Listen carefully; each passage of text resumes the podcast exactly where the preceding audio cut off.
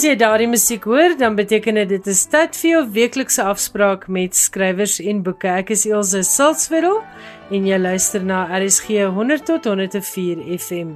Goeienaand en baie welkom by nog 'n skrywers en boeke. Charles W. Eliot, die Harvard akademikus en skrywer het gesê: "Boeke is die stilste en mees konstante vriende. Hulle is die toeganklikste en wysste raadgewers." En die geduldigste onderwysers. En ek is seker daarvan enige leser kan Eliot se woorde beamoen.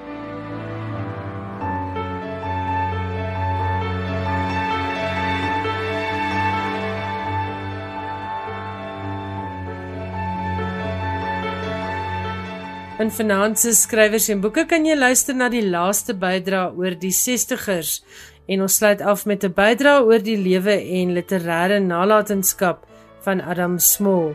Dan gaan Johan Meiburg ook gesels oor die Costa-pryse, 'n nuwe biografie oor die Beatles en 'n Booker-prys finalis waaroor die boekewêreld gons. Ek hoop jy geniet vanaand se program.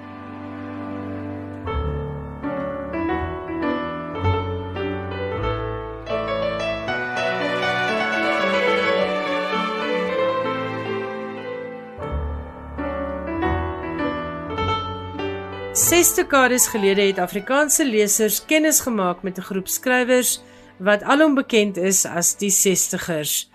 En in Finanse Skrywers en Boeke kan jy luister na 'n bydra oor die lewe en werk van Adam Small. Hy is die 21ste Desember 1936 in Robertson gebore en is op 25 Junie 2016 in die ouderdom van 80 jaar oorlede. In die onderhoud waarna ons nou gaan luister wat opgeneem is in 1994 en gelei word deur Daniel Hugo, gesels Smol onder andere oor sy kinderjare, universiteitsopleiding en sy groot Afrikaanse werke: Gitaar my kruis, Kana hy ko huis toe en Kersfees van Map Jacobs. Ek hoop jy geniet hierdie bydrae.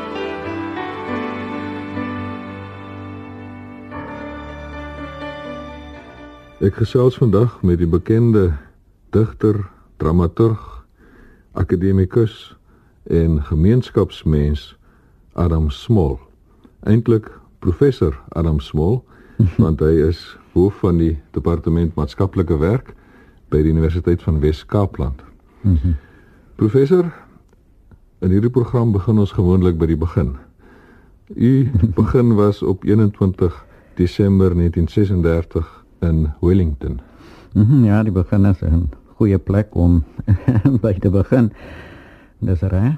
Uh, ek is gebore in Wellington alhoewel uh, ek nie op Wellington groot geword het nie. Dit het ek gedoen op die buitewijk van uh, uh, de Robertson 'n soort sendingpos in der tyd uh Gorie en Gorie is natuurlik nog daar uh die plekie uh, lyk so 'n bietjie anders deesdae. My pa uh het die jong onderwyser die mense van die kontry het hom meester genoem soos hulle onderwysers maar genoem het. Onderwyser vir die kinders uh van die plaasarbeiders van daardie wêreld geword. 'n ou een man skooltjie uh soos ons die platlandse skooltjies uh, leer ken het en uh, dis waar ek groot geword het en waar uh my rigting in die lewe seker maar gevorm is uh deur daardie um rooi brein grond van Goree ek het dit in later jare the orange earth genoem. Dit was in daardie jare toe ek uh, the orange earth geskryf het die drama in uh, Afrikaans. My moedertaal natuurlik uh so seer gemaak het dikwels uh, dat ek die dinge wat ek in Orange Earth gesê het, skaars uh, toe in Afrikaans kon sê, ek het dit maar in Engels gesê. Jy het ook Christelik groot geword. Inderdaad, uh, Nederduits gereformeerd, natuurlik sending kerk. Uh, ek moet egter sê uh, my uh, my ma, my moeder was 'n uh, moslim uh, vrou albei my ouers natuurlik uh Wellingtoners en uh ek het tussen die twee kulture groot geword, nê, die moslim kultuur van my uh ma se kant af in die streng en meer as al formele protestantse uh, gereformeerde kultuur van my uh, van my pa se mense. Uh, dis dit dat ek uh, tot vandag toe uh, nie weet uh, hoe dat mense uh, al die cultural hang-ups kan hê wat hulle soms het nie. Ek het maar so tussen die huise groot geword en in later jare het ek uh, die katolieke leer ken mense wat vir my wondere gedoen het wat my uh, opvoeding uh, betref en in nog later jare uh, het ek 'n uh, liefde uh, vir boeddhistiese denke ontwikkel en die Tao uh, bly vir my maar bly vir my 'n uh, groot soort filosofie en miskien ervaring. Ja. Was u dan op 'n katolieke skool? Ek was inderdaad my kindertyd uh, was natuurlik uh, deurdrink gereformeerd met daardie bykomende ervaring van die Islam uh, wat ek genoem het van my moeder se kant.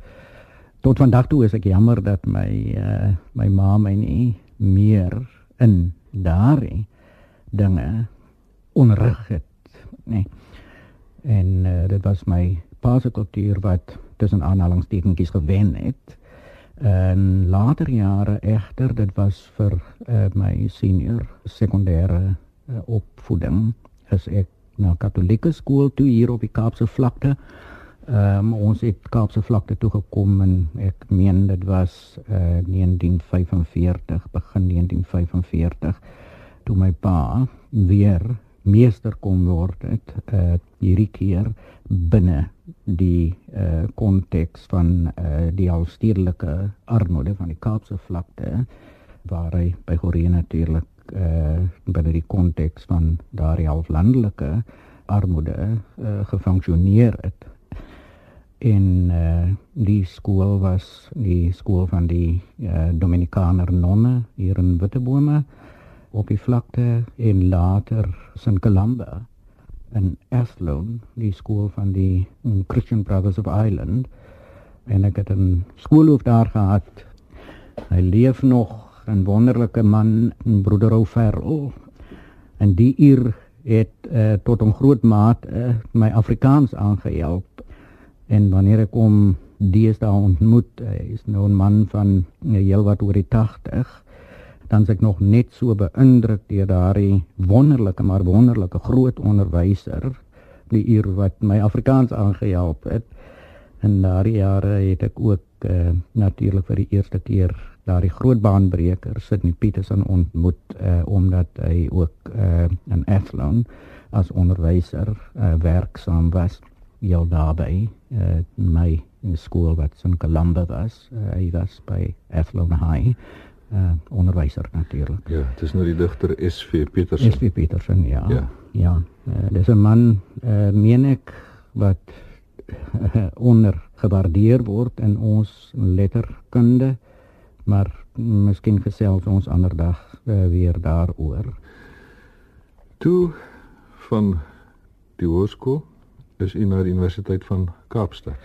Universiteit van Kaapstad toe, dis heeltemal reg. 'n uh, Bietjie rondgeval om dan daardie omgewing aan te pas. Uh, ek kon nie in universiteit uh, binne Afrikaanse milieu uh, bywoon nie. Stellenbosch was vir my toe watter Afrikaanse leerplek ook al was vir my toe dit was die uh jare van die begin uh, van apartheid uh, natuurlik en uh, ons het toe al ja hele klomp smarte van apartheid deeglik uh, begin ervaar onder uh, meer natuurlik uh, groepsgebiede uh, wetgewing en die hele impak daarvan En Afrikaans soos ek was, moes ek maar Engelse universiteit toe en nie net Engelse universiteit nie, omdat die universiteitsbelewenis natuurlik 'n hele uh lewensbelewenis is. Ek moes uh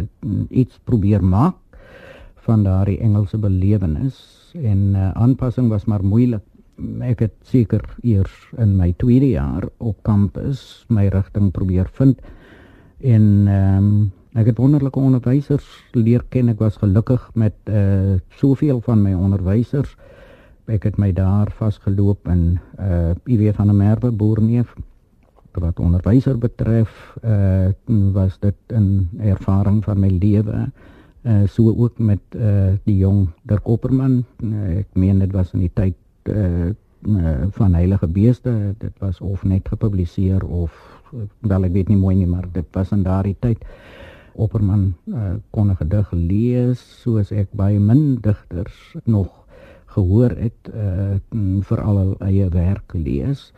Dit was van die mense wat ek daar teë gekom het, uh regtig wonderlike onderwysers. En uh natuurlik het ek mm, Martinus Versveld uh daar leer ken. Ek het Sim Du Plessis daar leer ken uh al by uh van hulle natuurlik die twee omdat uh, ek in die filosofie uh, gaan studeer het en die filosofie bly maar 'n groot liefde, 'n groot liefde uh vir my. Hmm. Het jy daarvoor NP van Wyk Lou ook ontmoet? Nee, en uh nie vir NP nie. NP het ek later uh ontmoet in die jare toe ek al dosent aan die universiteit uh, van Weskaapland was en ons uh destyds as 'n soort konstituerende college van die Universiteit van Suid-Afrika meermale Pretoria toe gereis het. Uh, is ook stories daar die uh, treinritte Pretoria toe in die uh, tyd van apartheid. En Rosas daarom stupid in hierdie land gewees, né? In elk geval, uh, dan het ek uh, op Johannesburg oorgestaan, uh, vir middag en by Van Wyk Lou aan huis gegaan en uh, 'n wonderlik nederige man was van Wyk Lou en natuurlik 'n wonderlik wyse man, 'n groot gees en dit was 'n vreugde uh, vir my en dit bly vir my 'n vreugde daardie herinnering uh, uh, aan van ja. Wyk Lou. Kom ons keer weer terug na die Universiteit van Kaapstad. U het daar die graad gekry in filosofie. Dis heeltemal reg en uh, daarna honneurs en ag ek het uh, na die eerste jaar se gesukkel uh, besluit ek moet daarom nou Engelse kon try of te not my begin gedra in die lewe akademies ook en ek het huis toe gekom en uh, dit was mooi mooi vir my ouers vir my pa en vir my ma met my het huis toe gekom met my eerste klasse en my onderskeidings en so voort en so voort met klasmedaljes die werk soos ons hier op die Kaapse vlakte sê Ek het nooit in later jare veel gebruik oor die goed nie. Ek het 'n kleintjie dood aan uh, die soort van stupid uh, poses wat mense ook akademies uh, uh, het uh, in die universiteit in die lewe en uh, ek uh, probeer maar mens wees. Maar dit het goed gegaan uh, akademies en uh, ek het later meestersgraad gedoen. Uh, ek het oor Friedrich Nietzsche uh en Nicola Hartmann gewerk eintlik oor Hartmann, uh 'n groot Duitse aksioloog se kritiese waardering vir uh die uh Nietzscheaanse uh, filosofie. In uh, uh natuurlik het ek in daardie jare nou, al kennis gemaak uh, met die werk van die wonderlikste romanskrywer. Vir my in uh die hele geskiedenis van die wêreld en dit is natuurlik veel gesê, ek het dit oor Fyodor Dostoevsky. Ek het daarna van die Universiteit van Kaapstad af 'n bietjie uh, aan die, die Universiteit van Londen, se London School of Economics gestudeer. Daar kennis gemaak met Karl Popper, die skrywer, uh, 'n groot liberale denker en 'n uh, filosoof van die wetenskap uh, skrywer van uh, The Open Society and its Enemies uh, wat eintlik neerkom op 'n aanval op uh, Plato en uh, op Marx en um, ek um, uh, net by Popper by geleer uh, ondanks die feit dat ek hom 'n vreeslike onverdraagsame mens gevind het ondanks sy wonderlike liberale filosofie En 'n mens moet seker maar uh, soms so 'n bietjie skei tussen mens en en en en prediking. en uh, luister na wat hulle sê maar moenie doen soos wat hulle doen nie daai soort van ding in later jare het ek ook uh, vir 'n ruk lank aan die Universiteit van Oxford in Engeland natuurlik gestudeer. Ben toe ek kennis gemaak met onder meer die uh, wonderlike analitiese denke van uh, Gilbert Ryle.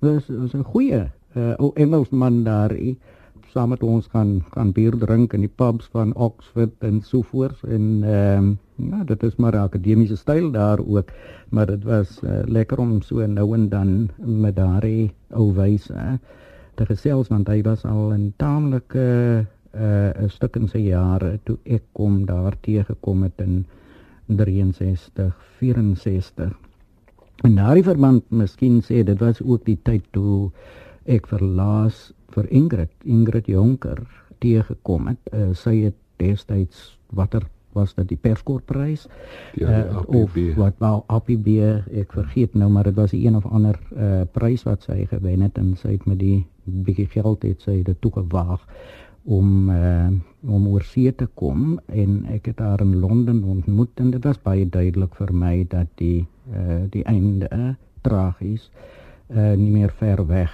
kan wees nie Ingrid was 'n mooi mens en is jammer dat uh, vir jaar miskien want ons weet dit het nou vir jaar gebeur nadat president Mandela nou die gedig voorgedra het en so goed so is goed dat die politici daarom ook van die van, van van van van die woorde kennis neem. Maar in elk geval politieke fofie of the not uh, dit het ons daarom weer aan die werk van Ingrid Jonker herinner. Dit is jammer was ek besig om te sê dat 'n klomp van die die dinge wat miskien glad nie bygesleep moes gewees het nie weer bygesleep is.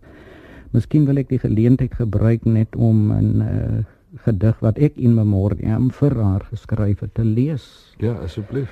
Ek het dit strandgebied genoem in memoriam Ingrid Jonker op haar kruisweg by die laaste stasie het sy die konstellasie Clifton se liggies verlaas oor tik ons lot word deur die sterre beskik. Toe die pere in die see bamboese draf weer sy haarself met al twee hande af. Maar die water het teen haar heupe soos 'n man gestoot en sy bors was harig soos die dood. Toe jy nou afgestudeer het het jy toe onmiddellik gaan werk as akademikus of hoe? Toe ek in 58 terug keer van my eerste oorseese studie dit is aan die Universiteit van uh, London London School of Economics is ek Fort Hare toe die ou Universiteitskollege van Fort Hare uh, waar ek in die filosofie en ook uh, die politieke filosofie uh, gaan klas gee het. Dit was 1959 uh, ek was net die jaar daar. Toe is ek Universiteit van Wes-Kaapland toe. Wes-Kaapland het in 60 begin En natuurlik, uh, dit was 'n groot storie want ek sou nou in hierdie apartheidsplek uh, vir my 'n akademiese tuiste uh, kom vind. Uh, dis nou die Universiteit van Wes-Kaapland uh, van destyds. Ek moet egter uh, sê en um, ek moet dit hard sê, there by hangs a tale die hele liberale wêreld van destyds en ek sê dit ten spyte van my kantjies vir 'n nuwe uh, liberale denke in Suid-Afrika uh, op die oomblik.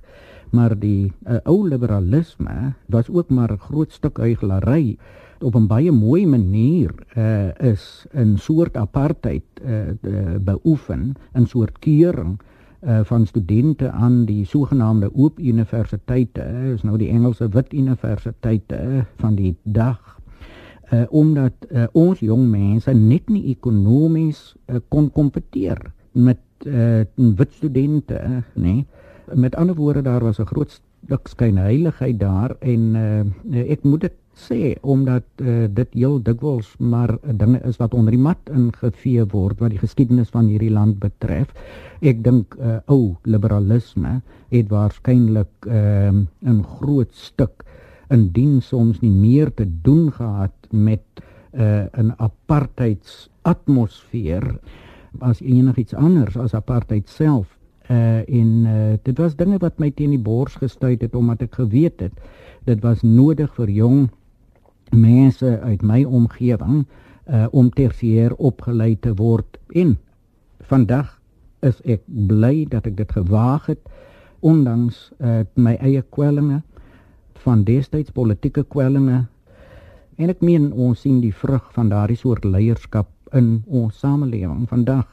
Mense uh, wat by 'n ander universiteit van Weskaapland opgelei is dis nie vir my om name te noem nie maar daar is mense in ons uh, kontrye uh, wat die name goed ken. En dit is mense wat daar by daardie einste uh, inrigting destyds 'n apartheidsinrigting gestudeer het. En onder apartheid daar gestudeer het apartheid sou ons tog nie onderkry nie sou dit ek meen uh, dat daardie mense net so 'n groot aandeel gehad het aan die struggle as uh, enigiemand van die wat land uit is of ellersheen ek moet tog sê weet dit is dinge wat ek op die hart het histories op die hart het dat uh, die geskiedenis soms ook maar soos wat dit in die boeke staan erg skynheilig kan wees en dan moet 'n mens maar die waarheid vir jouself gaan soek. So u toe gaan klas gee in filosofie by die Universiteit van Weskaap. Uh, Weskaap ja, dis heeltemal reg. Ek was uh, inderdaad hoof van daardie departement vir hoe lank seker in uh, ja 14 jaar was dit van 60 af tot einde 73. Uh, einde 73 dit was eintlik 'n opbou van 72 af uh het ons ons eerste groot uh politieke blowout by die Universiteit van Wes-Kaapland gehad. Dit was 'n opstand teen die apartheid regime van die universiteit. Ek is van kampus af uh weg en uh, natuurlik uh, ek is daar weg saam met 'n hele klomp uh van ons uh baie mooi studente, eerlike mense wat in opstand gekom het teen daardie soort uh, regime, die apartheids ding uh wat daar geheers het. En um, dis toe natuurlik uh, dat ek uh, my bevind het buitekant in die omgewing van uh mense soos maatskaplike werkers, gemeenskapswerk uh was die storie. En uh dit vertel natuurlik uh die verhaal uh, van my uh, my studie van voor af. Studie en opleiding seker in uh, gemeenskapswerk en maatskaplike werk sodat ek na 10 jaar buitekant uh, indien dit uh, in 'n soort wildernis was was dit 'n goeie wildernis 'n wildernis van die praktyk na 10 jaar daar as ek toe terug uh, universiteit toe nadat goeie hande die universiteit in 'n vryer rigting gelei het as uh, hoof van die departement van maatskaplike werk hierdie keer. En uh, dis vir my 'n vreugde om hierdie twee dissiplines, die filosofie en uh, die maatskaplike werk wat so prakties ingestel is, soos dit natuurlik behoort te wees, bymekaar te probeer bring. Ja. Mm. Was jy nie ook 'n kortheid uitgewer nie? Dis inderdaad so ja, uh die skoolboekuitgewery Meskomille was uh vir my 'n uh, soort van oasis in der tyd te midde van baie woelinge. En uh ek het 'n bietjie makliker leer leef daar, uh, nie so gespanne soos aan die Universiteit van Wes-Kaapland binne daardie politieke kolk uh, van destyds nê. Nee. Ek natuurlik destyds ook indien ek bietjie persoonlik mag praat, ulceratiewe kolitis opgedoen uh, en dit is 'n helse ding wanneer hy jou vat nê, nee, die uh, pyn hier in die middel van jou lyf. En ek is glad nie ontslaaf van die ding nie, maar jy weet dis Nietzsche wat op 'n keer gesê het wanneer hy siek was, het hy hom uh, gesond gewerk en gesond gedink en uh, dis moontlik ek glo daardie soort uh, ding is moontlik. So uh, die ding hier in die middel van die lyf die is ehm um, under control soos hulle sê. Maar uh, daar was die dae van hel uh, en dis dit dat ek sê uh, by Maskew Miller en daai in 'n sake 'n soort van omgewing het ek bietjie makliker leer uh, leef en bietjie vryer leer asemhaal en dit was lekker. Ja. Ja. Professor Smol, kom ons gesels oor u skryfwerk. U het al reeds in 1957 gedebuteer met 'n bundel gedigte, verse van die liefde. O ja. Ja, dis reg, dis natuurlik jeugwerk alhoewel daar seker nog een of twee dinge staan wat ehm um, ek self daarom kan lees sonder om uh uh geëmbarrasseer te voel. Daarna meen ek was dit klein simbool en uh daar ook 'n uh, paar mooi dinge seker. Die eerste steen uh, daarna was 'n uh, klein boekie sosio-politieke kommentaar uh, spesifiek uh, geadresseer aan my taal broer en suster die wit een die een wat destyds uh, ongelukkig maar ongelukkig die taal van apartheid begin uh, praat het. Ehm um, en dit is goed om te weet dat daar tot 'n mate alhoewel dit miskien maar tot 'n mate is in later jare met beter insig uh, uh nou gesê is ons is jammer oor wat gebeur het. Maar wat gebeur het het gebeur. En ek weet nie of 'n mens maar uiteindelik moet sê ondanks uh, jou ehm um, bitterheid waar uh, meer jy in 'n sekere sin sal moet saamleef omdat uh, die verlede nie uitgewis kan word nie uh, of 'n mens uh, soos ek dan nie uh, maar uh, moet sê cowboys don't cry. Historically cowboys don't cry. Cowboys in die sin dat jy uh, tot vandag toe daardie mense wat dinge aan jou siel berokken het uh tog ervaar as jou broer en jou suster. Uh maar dis ook 'n Christelike opdrag daarin en alhoewel daarin 'n las uh soms in die Bybel lig genoem word, is hy ook maar taaf voor. Ja, daar in 1961 met die eerste steen het hy juist die taal van die liefde gestel teenoor die taal van apartheid. O ja. Ja, dit is so. Toe in dieselfde jaar verskyn die digbundel Gitaar my kruis en dit is eintlik die een waarvoor u bekend geraak het. O ja. Die Gitaar my kruis en uh, ek praat mos nou maar oor myself omdat jy wil hê ek moet oor myself praat. Dit 'n redelike opskudding veroorsaak. Ek sou dink uh, dat uh, die um, resensente en letterkundige kritici wat dit revolusionêr genoem het, die manier waarop uh, hierdie taal uh, waaraan ek die naam Kaaps gegee het begin werk het in in, in ons taal nie onvanpas is nie. Ek, ek het dit oor die die woord en die begrip revolusionêr uh, seker ja. Dit is dus in Kaapse Afrikaans geskrywe in 'n groot mate foneties geskryf ook. Heeltemal reg omdat ek uh, natuurlik die taal so goed leer ken het toe my uh, pa uh, hier Kaapse vlakte toe gekom het. Uh, ek het met hom op sy huisbesoeke gegaan. Ehm um, net soos ek met hom op sy huisbesoeke by Goree gegaan het. En ehm um, ek het die wêreld van binne uit leer ken.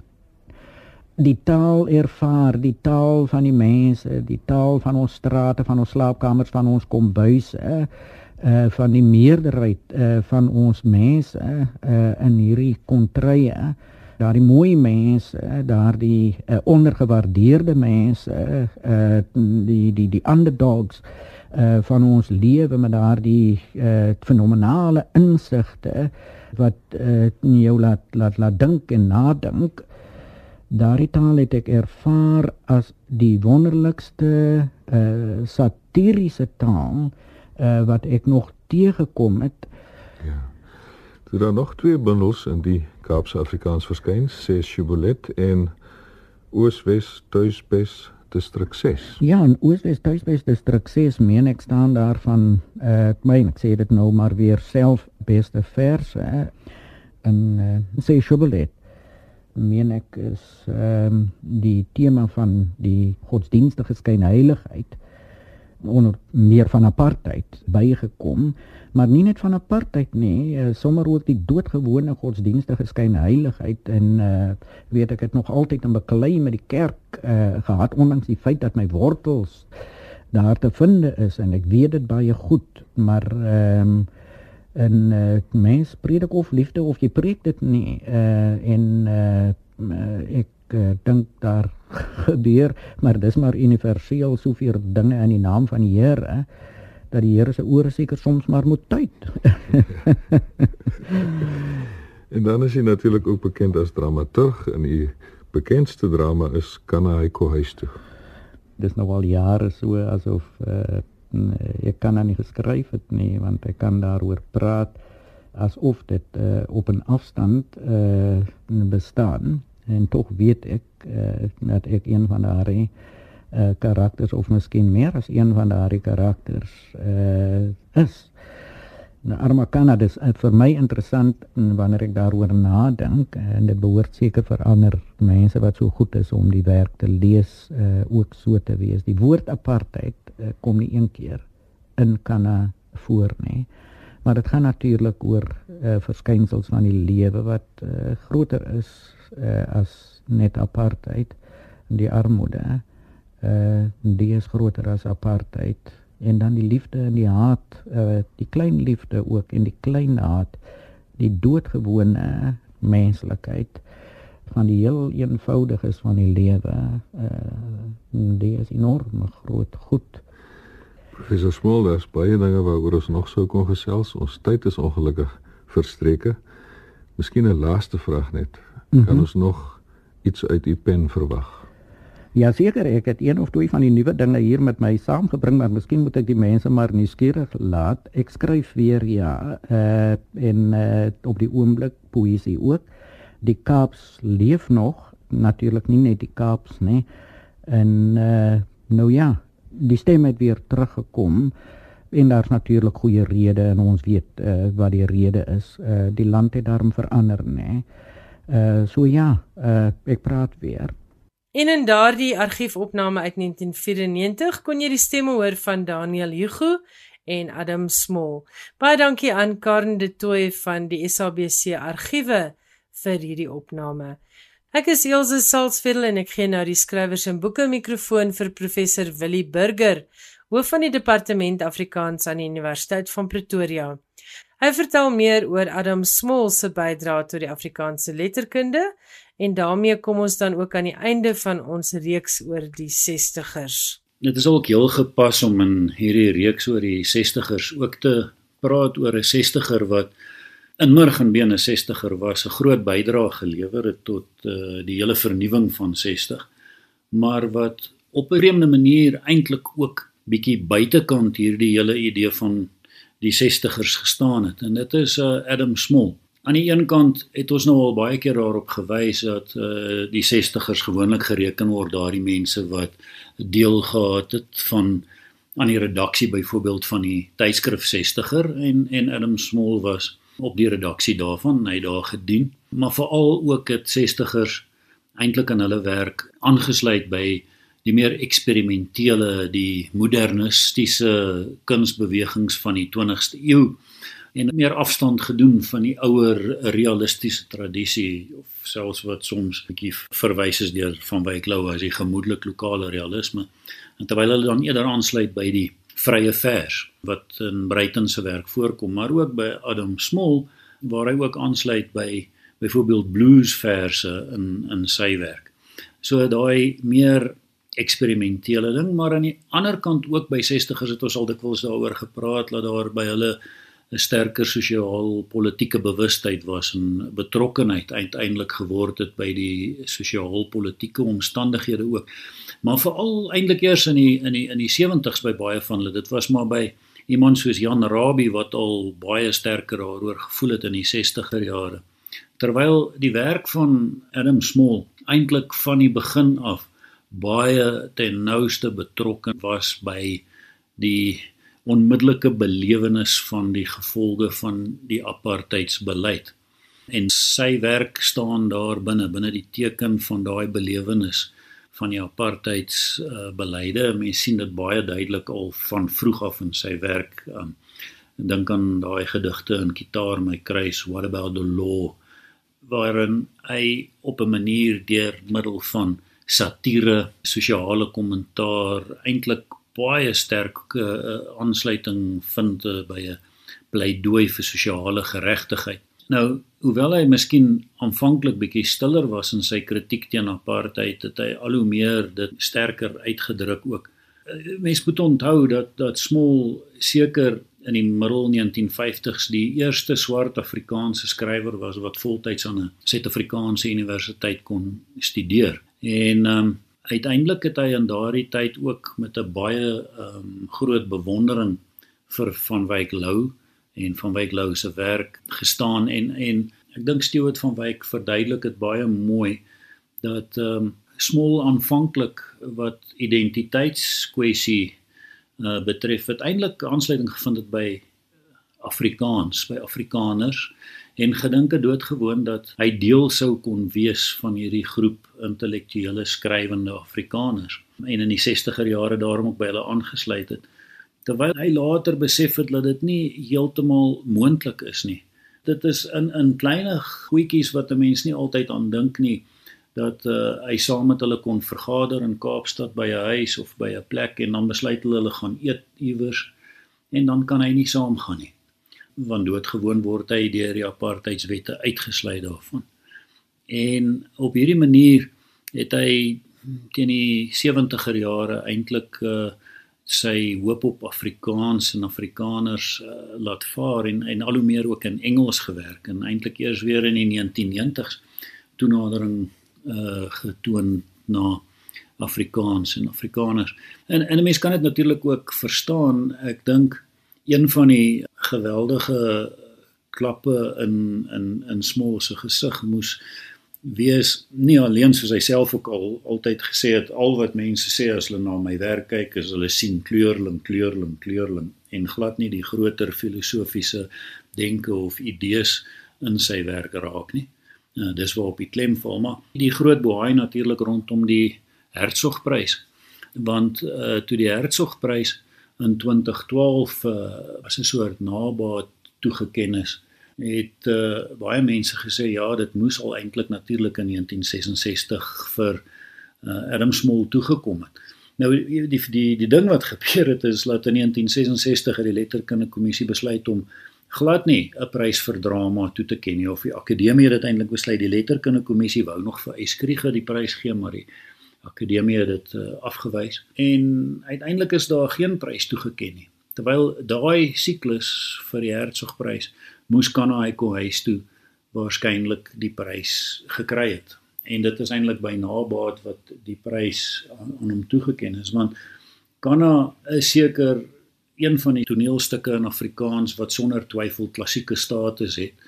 Hiermee het uh, Smol aangesluit by die 20ste eeu se dramaturge soos Arthur Miller en Beckett en op 'n besondere manier ook gebreek met die soort realistiese voorstelling, maar uiteindelik 'n uh, buitengewone drama gebou. Ek het onlangs weer gelees hoe iemand geskryf het. Ek dink dit was Anastasia de Vries oor die oor die belangrike trefkrag wat die drama steeds het op studente en dit kan ons almal van getuig.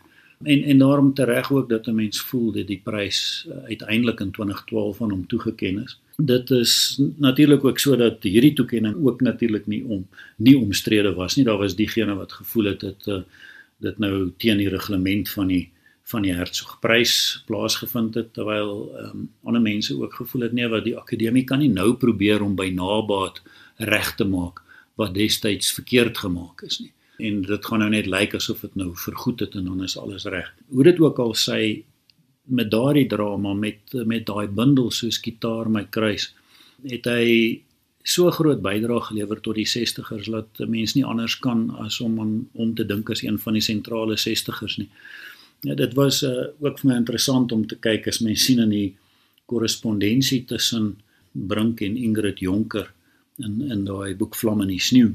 Dan is daar dikwels nogal verwysings na na Smol en Ingrid Jonker het op 'n stadium in 'n voetnoot dan sal sy skryf sy lees Adam Smol op die oomblik. Hy is goed nê. Nee.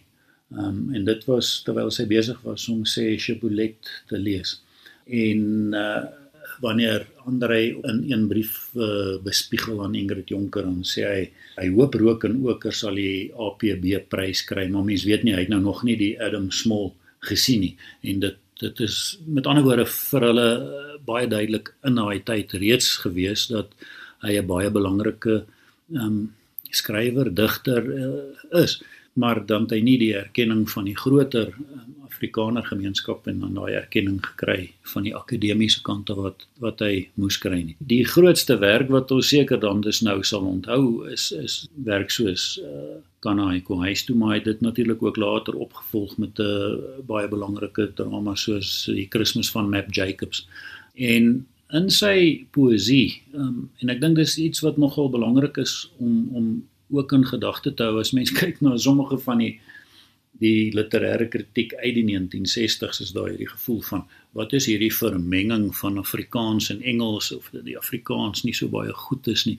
Terwyl dit natuurlik eintlik juis die die punt was hoe dat hy geëksperimenteer het ook met 'n vroeë weergawe van wat ons uh, Kaap sou noem wat uh, nou gevolg word deur mense soos Nathan Trontaal onder meer maar dat hy hierdie dialektiese taal gebruik uh, baie spesifiek satiries aanwend en dat hy 'n baie groot effek daarmee kan kry. En ek dink dit is 'n uh, een van die vroeë aanduiders gewees van hoe dat dialekte in 'n soort literêre vorm gebruik kan word om satire en sosiale kommentaar of of die uh, ongelykheid um, en die uitsluiting van uh, moontlikhede van taal ook te ontgin waarmee hy 'n uh, besondere bydrae gelewer het. Ek dink ehm um, dis ongetwyfeld so dat ehm um, Adam Small toenemend waardeer word vir die groot bydrae wat hy tot die vernuwing van 60 gelewer het. Dit was professor Willie Burger. Willie van my kant af baie dankie vir jou interessante gesprekke oor al hierdie 60ers en hulle werk. En ek is seker daarvan dat die luisteraars met my sal saamstem dat 'n mens skoon besield is om nou weer hulle boeke te lees met die nuwe insig wat jy met ons gedeel het. Baie dankie. Skrywers en boeke. Alles wat jy oor die boekewêreld wil weet en meer. Nou gaan Johan Meiburg vir ons oudergewoonte die program afsluit en in sy bydrae vanaand gesels hy onder meer oor die finaliste vir die Costa Prys, 'n nuwe biografie oor die Beatles en die Booker Prys finalis Maza Mengiste se roman The Shadow King.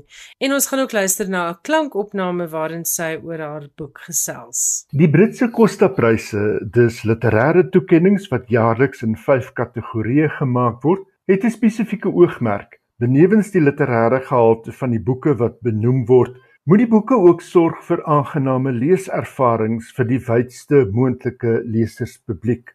Wat aan die Costa kategoriepryse en die uiteindelike Costa boek van die jaarprys 'n veel meer populistiese konnotasie gee as byvoorbeeld die Boekerprys. Die Costa pryse was voorheen bekend as die Whitbread pryse. Vir die Costa-pryse kwalifiseer skrywers wat Engeland of Ierland as basis het en die vyf kategorieë is vir debuutroman, roman, biografie, poësie en kinderboeke. Die kortlyste is pas aangekondig en die wenners van die vyf kategoriepryse word kort na Nuwejaar op 4 Januarie aangekondig. Uit die 5 wenners word die Costa Boek van die Jaar dan gekies en die wenner word op 26 Januarie aangekondig. Die uiteindelike wenner kry iets so 600 000 rand en elke kategorie pryswenner net meer as 100 000 rand. Die vier mededingers om die prys vir die Costa Roman van die Jaar is Susanna Clark vir Piranesi haar tweede roman. Clark se Jonathan Strange and Mr Norrell wat in 2004 verskyn het, was op die langlys vir die Boekerprys, 'n topverkoper en is verwerk tot 'n BBC TV-reeks. Sterk aanspraakmaker wat Piranesi is, word die boek beskryf as 'n elegante studie in alleenheid. Ook benoem is Denise Mina se The Less Dead wat benewens Riller ook 'n boek oor mense en menslikheid is. Tim Finch se Peace Talks, 'n boek oor 'n diplomaat in 'n hotel in Tirol, en Monique Roffey se The Mermaid of Black Conch, 'n kombinasie van 'n verleidelike fabel en die realisme van 'n Karibiese eiland. In die kategorie vir biografie is die benoemdes Lee Lawrence vir The Louder I Will Sing, 'n boek oor sy ma, Cherry Gross, wat in 1985 verkeerdelik by haar huis tydens 'n klopjag deur die polisie geskiet is. Die romanskrywer Julian Barnes vir The Man in the Red Coat, oor 'n ginekoloog tydens die Franse Belle Époque, Rachel Clark vir Dear Life, 'n meditasie oor die einde van pasiënte se lewe, 'n boek met die subtitel A Doctor's Story of Love and Loss, en Jeff Young vir Ghost Town, 'n Liverpool shadow play, 'n ode aan die plek van sy kinderdae.